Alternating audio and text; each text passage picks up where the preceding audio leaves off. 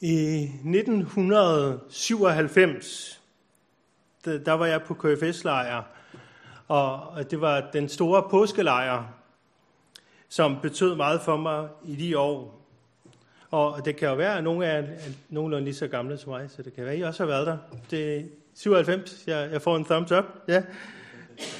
Og, og det betød meget for mig, hvordan jeg blev formet som menneske og kristen, og det har formet, hvordan jeg tænker om teologi og, og tro til den dag i dag.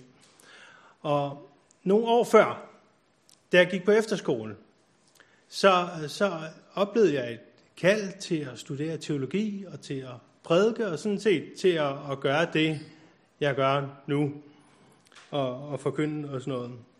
Jeg, jeg fik en indre overbevisning for Gud om, at det var den vej, du skal, Thomas. Og så tænkte jeg, så gør jeg det. Øh, det var ikke så meget dramatisk, sådan var det bare. Øh, og det betyder, at jeg i en meget tidlig alder gik og forberedte mig til det, jeg får lov til at, at lave i dag og forkynde for jer. Øh, men når man er 14 år, eller 17 år, eller 16 år, så ved man ikke alt om, hvad det går ud på. Men som mange af jer sikkert har oplevet, så er der øjeblikke i vores liv, hvor tingene går op i en højere enhed. Det, som Gud kalder os til, det, som vi gerne vil være åbne for, det sker, og vi bliver skubbet frem mod målet med en kraft, som ikke synes mulig. Og, og jeg håber virkelig, at du har oplevet at blive ledt af Gud, og blive skubbet frem af ham, og be, ellers må du bede ham frimodigt om det. Jeg tror, at Gud hører vores bønder, så lad os da bede ham om det. Men jeg var kristen, og det har jeg altid været. Og jeg havde fået et kald, og nu vil jeg taget på påskelejr for at høre forkyndelsen og opleve fællesskabet. Øhm, og jeg, jeg ved ikke, om det er sådan længere, men dengang, der var påskelejre, det var, det var det lidt seje, fordi der var dem, der var ældre med os for universitetet, og sådan, så kunne man jo få fat i nogle teologistuderende og diskutere med, og det var, det var, det var lidt sejt, for de store var der. Øhm, på den påskelejr, der var der tre prædikner, der, der virkelig øh, ramte mig. Og, og, og det vagte en genklang i mig, både for det, jeg har lært derhjemme hos mine forældre, men også en genklang i, hvad jeg gerne ville med mit liv. Nemlig at følge Gud, og være lydig mod ham, og tjene ham og hans folk. Og det er faktisk nogle forholdsvis alvorlige tanker at gå rundt med, når, når man er 16 år. Nu ved jeg ikke, om der er nogen på 16 år her i forsamlingen, men øh, det, det er nogle alvorlige ting at gå og tænke over.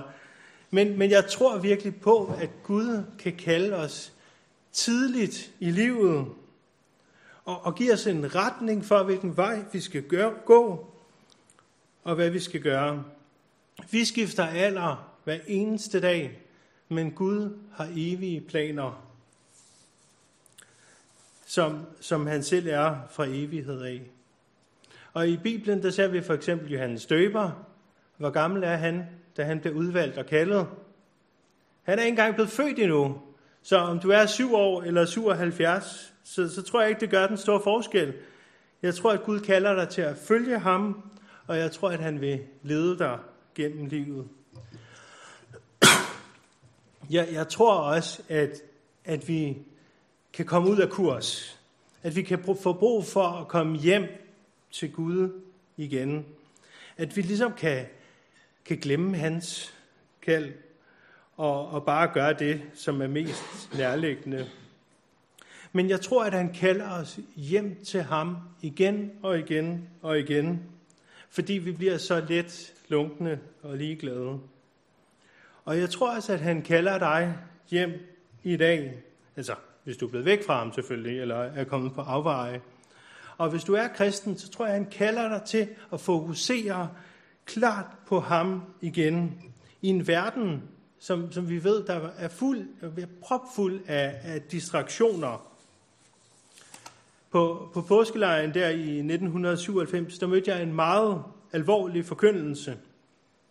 Prædikanten startede den første bibeltime med den her bøn, som også er en del af dagens prædikentekst. Og det er fra salme 139, der står der. Rensag mig, Gud, og kend mit hjerte. Prøv efter at kende mine tanker. Se efter, om jeg følger Augusts vej. Led mig af evighedsvej. Og, og nu vil jeg læse den igen, men den her gang så bliver det som en bøn, så I må gerne øh, lukke øjnene. Rensag mig, Gud, og kend mit hjerte. Prøv mig og kend mine tanker. Se efter, om jeg følger Augusts vej. Led mig evighedsvej. Amen. Og, og man skulle tro, at det, at det var så alvorligt, at det skræmte mig væk. Det, det vil man nok tro. En 16-årig, det er alvorligt. Det gider han ikke høre på. Men det var præcis det modsatte, der var tilfældet. Det, at forkyndelsen var så alvorlig, det, at den gik lige til hjertet, det var netop det, der gjorde, at jeg gerne ville lytte. Og jeg kunne mærke, at jeg mødte en, der var større end mig selv. Og jeg mødte en mægtig Gud, en mægtig, hellig kraft. En kraft, som holder i livet, og en kraft, som bærer i døden. Og, og det er det budskab, som øh, vi skal være sammen om i dag. Og, og bønden, som jeg lige har bedt sammen med, er fra salme 139. Og, jeg vil bruge et stykke tid på at læse hele salmen. Øhm, så kig med deroppe og, og lyt godt efter. Der står der, for korlederen salme af David. Herre, du renser mig og kender mig. Du ved, om jeg sidder eller står. På lang afstand er du klar over min tanke. Du har reddet på, om jeg går eller ligger. Alle mine veje er du fortrolig med. Før ordet bliver til på min tunge, kender du det fuldt ud, Herre. Bagfra og forfra indeslutter du mig og du lægger din hånd på mig. Det er for underfuldt til, at jeg kan forstå det. Det er så ophøjet, at jeg ikke fatter det. Hvor skulle jeg søge hen fra din ånd? Hvor skulle jeg flygte hen fra dit ansigt? Stiger jeg op til himlen, er du der. Lægger jeg mig i dødsriget, er du der. Låner jeg morgenrødens vinger og slår mig ned, hvor havet ender, så leder din hånd mig også der. Din højre hånd holder mig fast, siger jeg. Mørket skal dække mig, lyset blive til nat omkring mig. Så er mørket ikke mørkere for dig, mørke for dig. Natten er lys som dagen. Mørket er som lys, lyset. Det var dig, der dannede mine nyere. Du flettede mig sammen i min mors liv. Jeg takker dig, fordi jeg er underfuldt skabt underfulde af dine gerninger. Jeg ved det fuldt ud. Mine knogler var ikke skjult for dig, da jeg blev formet i det skjulte, blev vævet i jordens dyb. Da jeg endnu var foster, havde du mig for øje. Alle dagene stod skrevet i din bog. De var formet, før en eneste af dem var kommet. Hvor, hvor er dine tanker dyrebare for mig? Hvor stor er dog summen af dem, Gud? Tæller jeg dem, er de flere end sandet. Bliver jeg færdig, er jeg stadig hos dig. Gid, du vil dræbe forbryderne, Gud. Vi fra mig, I mordere. De spænder rænker mod dig, de farer med løgn mod dig. Hæder jeg ikke dem, der hæder dig, Herre. Væmmes jeg ikke ved dem, der rejser sig mod dig. Grænseløst er mit had til dem, der er blevet, de er blevet mine fjender. Rensag mig, Gud, og kend mit hjerte. Prøv mig og kend mine tanker. Se efter, om jeg følger afgudsvej. vej. Led mig af evighedsvej. Amen.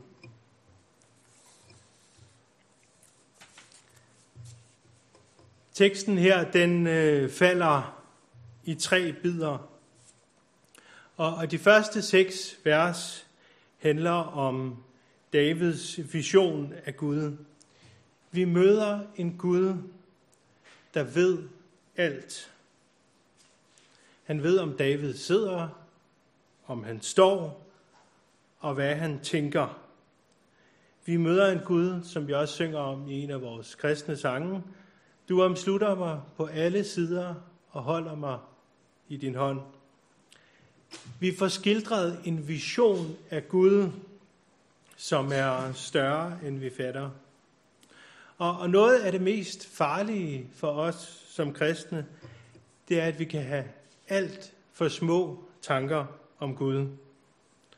Nogle gange kan vi komme til at tale om Gud, som om han er en ensom gammel mand, der, der ligesom skabte jorden og skabte menneskene, fordi han ikke rigtig havde noget at lave. Og, og nu er det lidt synd for ham, at, at menneskerne ikke vil besøge ham på plejehjemmet og, og tro lidt på ham. Og, og det er næsten som om, han er på nippet med at stoppe med at eksistere, fordi vi ikke vil stå lidt op for ham.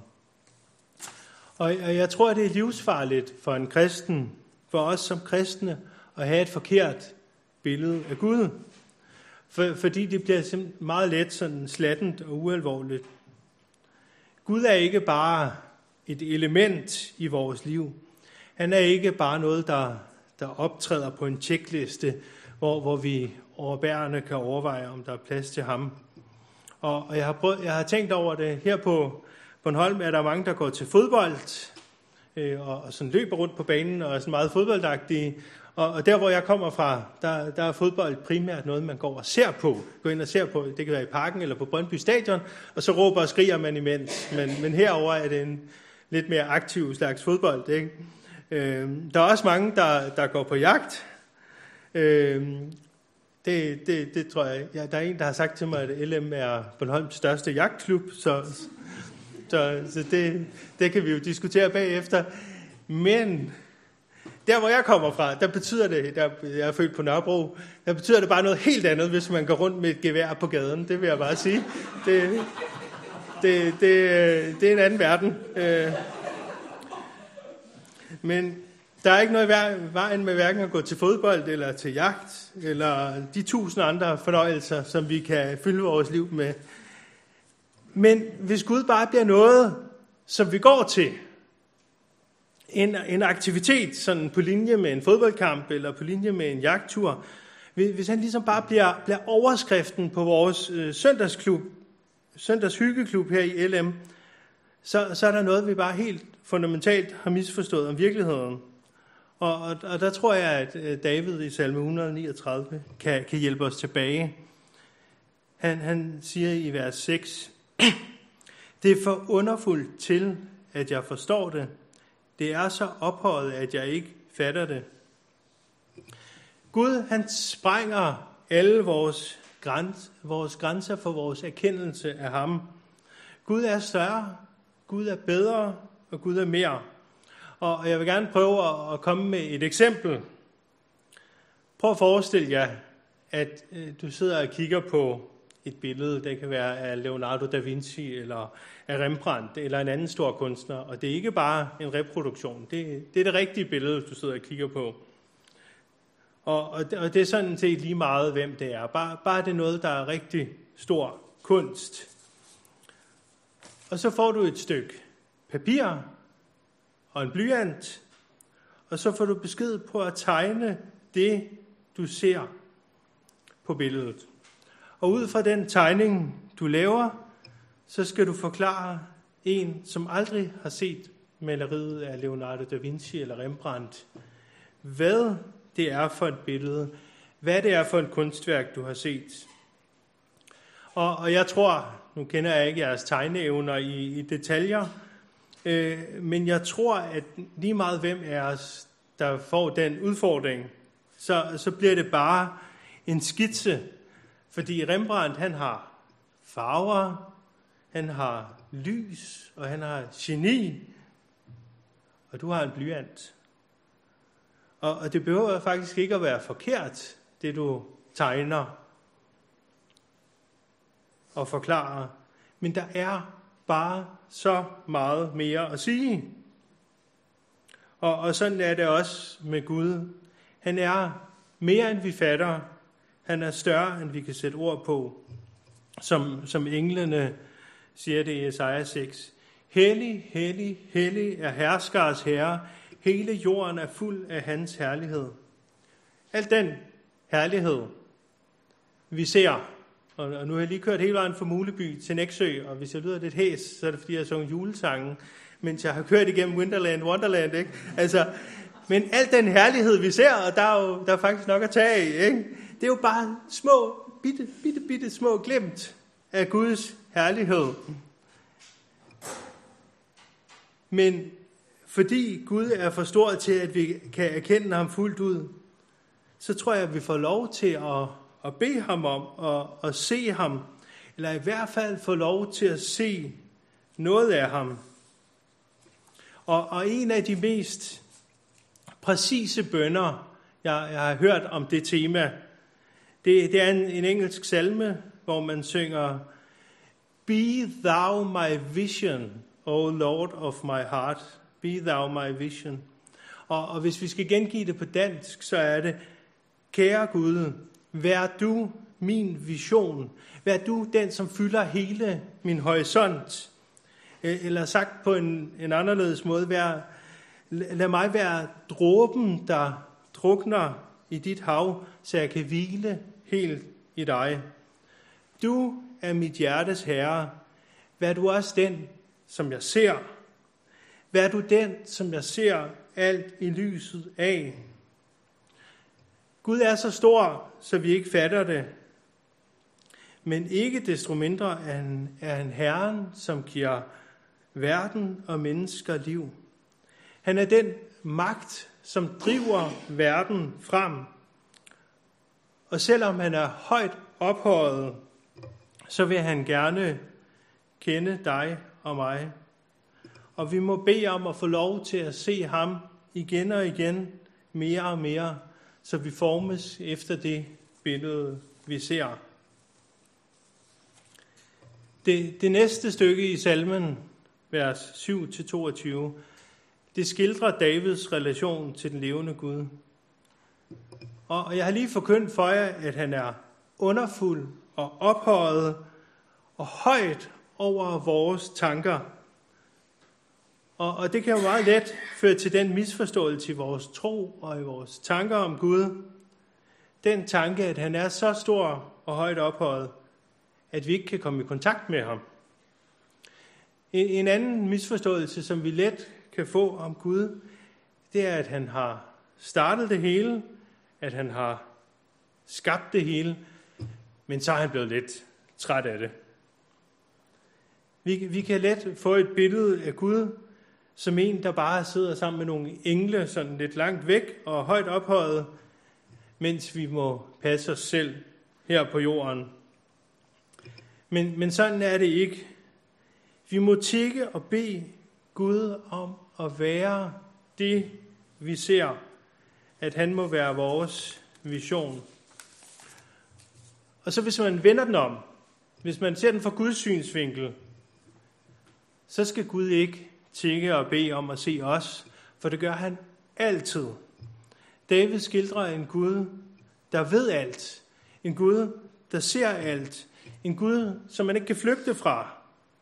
Og, og i Bibelen, der hører vi om, hvordan David tager en anden mands kone, hvordan han får manden slået ihjel, og hvordan han dækker over synden.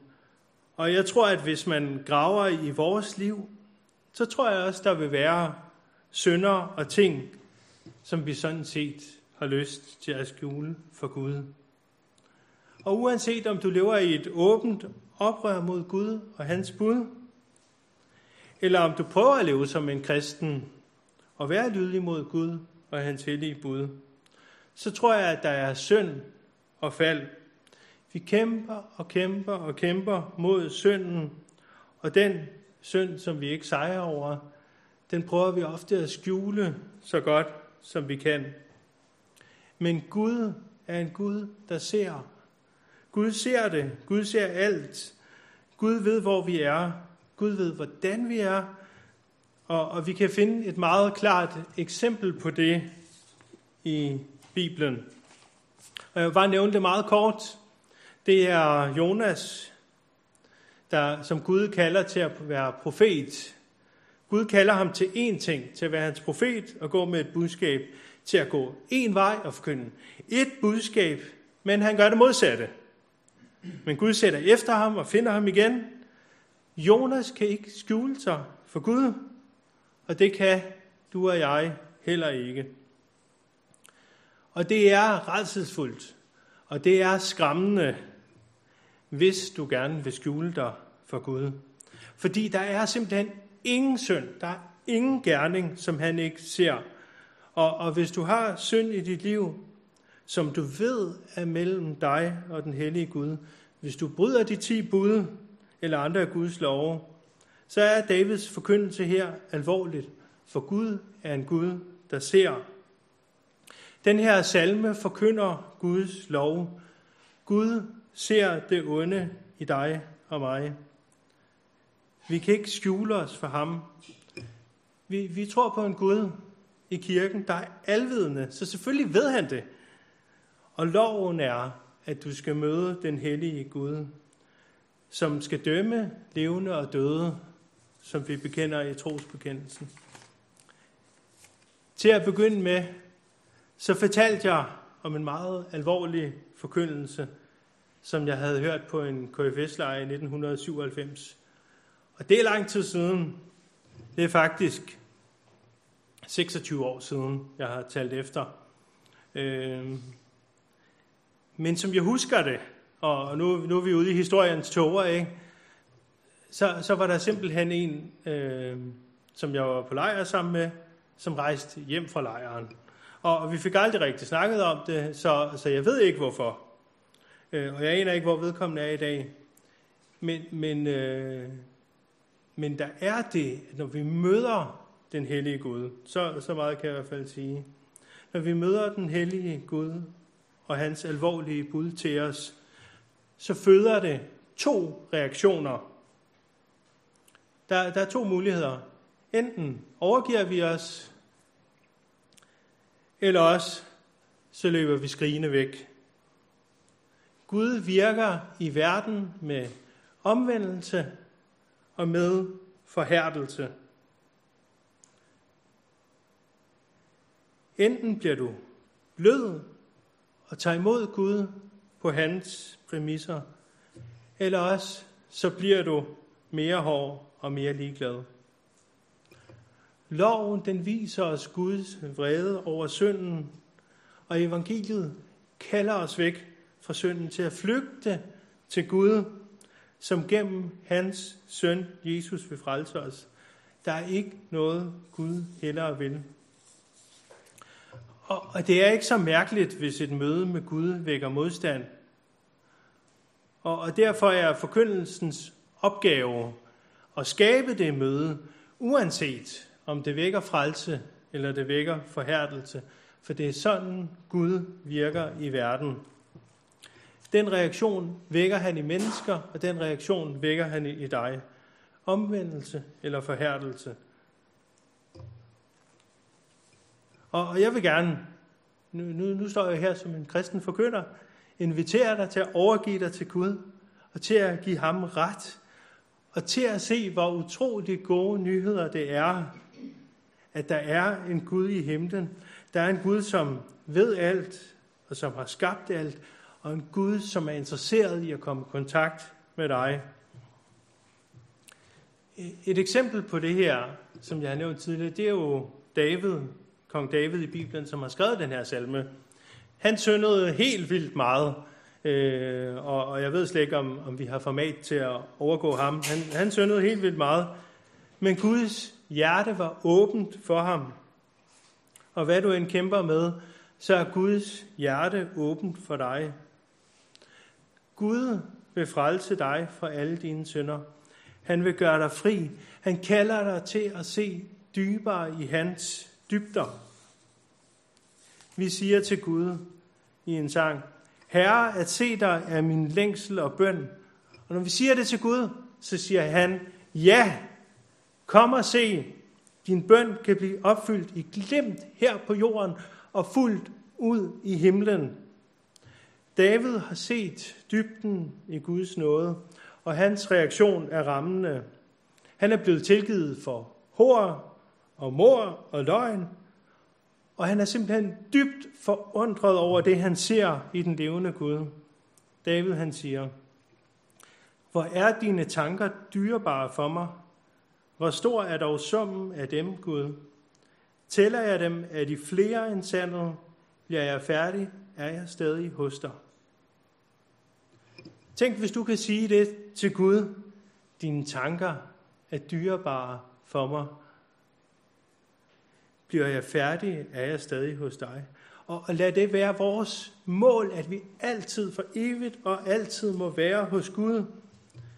Og, og hvis I tænker efter, så er der jo kommet meget, meget mere lys over virkeligheden efter den første pinse, hvor den tredje person i treenigheden, nemlig Helligånden, blev udgivet. Helligånden er kommet. Gud vil bo i os ved Helligånden, og, og derfor skal vi være hellige, som Paulus også siger, som vi læste øh, i starten af gudstjenesten. Paulus siger til korinterne, Hold jer for utugt. Al anden synd, som et menneske begår, er uden for lamet, men den, der lever utugtigt, synder mod sit lame. Eller ved I ikke, at jeres læme er et tempel for Helligånden, som er i jer, og som I har fra Gud? I tilhører ikke jer selv, for I blev købt dyrt. Er derfor Gud med jeres læme. Du som er kristen er et tempel for Helligånden. Du er blevet købt med Jesu blod, og, og det, det gjorde jo ondt på Jesus. Og, og i det gamle testamente, der kan vi godt høre side op og side ned om templet. Og, og man kan godt blive lidt forpustet, hvis man prøver at forstå det. Men der er en ting, som, som man ikke er så meget i tvivl om, når man læser om templet i det gamle testamente. Og det er, at det er et helligt sted. Det er et sted, hvor man kan møde den hellige Gud. Og nu er din krop, hvis du er kristen, det er et tempel for Helligånden, og derfor skal du være hellig. Og det betyder for eksempel, som Paulus siger, at du skal holde dig for utugt. Og, og jeg har tænkt over det, og, og det er simpelthen så let at være utugtig nu om dage. Hvis du har en, en smartphone, jeg har en her, så er fristelsen for, så bare helt utroligt stor, for internettet er bare ved at drukne i utugt, og bare et, et par klik, så, så er du på afveje. Og jeg kan huske, øh, jeg var på folkemødet i sommers, og, og der var der en efterskolelærer, der deltog i en debat, og, og fortalte om, hvordan hun kendte børn, der var fanget i afhængighed af porno. Altså det, det, det er børn, som hvis de var her hos os, så ville de have alderen til at lige starte med at gå til LMU, eller noget i den stil, som simpelthen er fanget i afhængighed. Afhængige og bundne. Og det kan jo også meget vel være, at, at du også er det. Men, men det skal du ikke være. Og, og jeg siger ikke, at det, det er let, men, men Gud kalder os til renhed og troskab. Gud kalder os væk fra mørket, hen til ham og ind i hans lys. Og hvis du er kristen, så kender Gud dig og dit hjertes dybder bedre, end du selv gør. Og det kan lyde sådan en lille smule ukonkret, men overgiv dig. Giv ham det hele. Og, og hvis du falder i synd, så giv ham også det.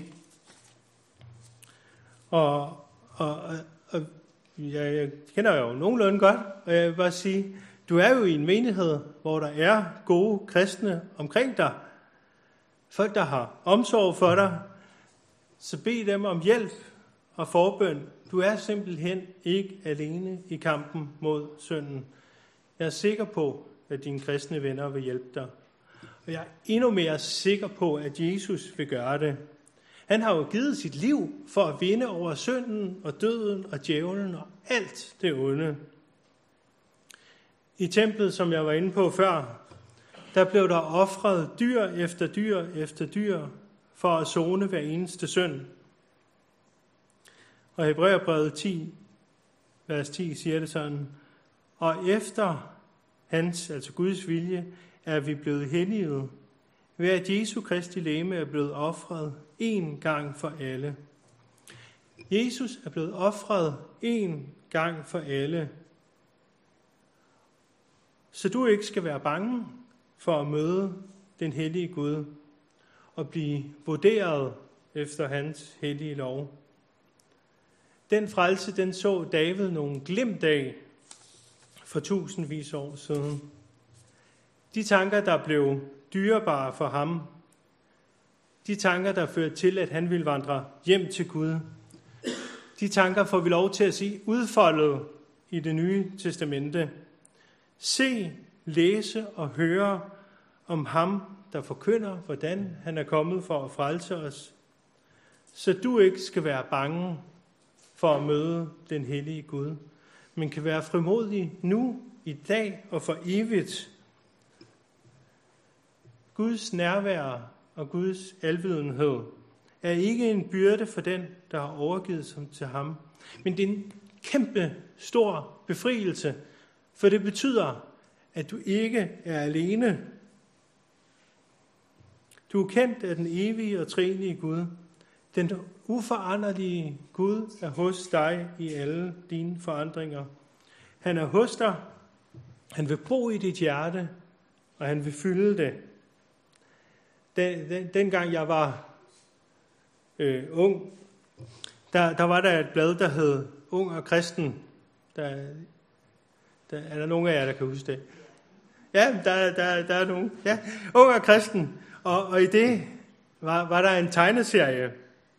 Og, og der ser man, man to øh, folk snakke med hinanden, og den ene siger til den anden, er du bange for Gud? Det er jo, det er et meget godt spørgsmål. Er du bange for Gud? Jeg ved I, hvad han svarer? Han siger, nej, for jeg har Guds frygt. Nej, for jeg har Guds frygt. Og, og, og det lyder fuldstændig paradoxalt, ikke?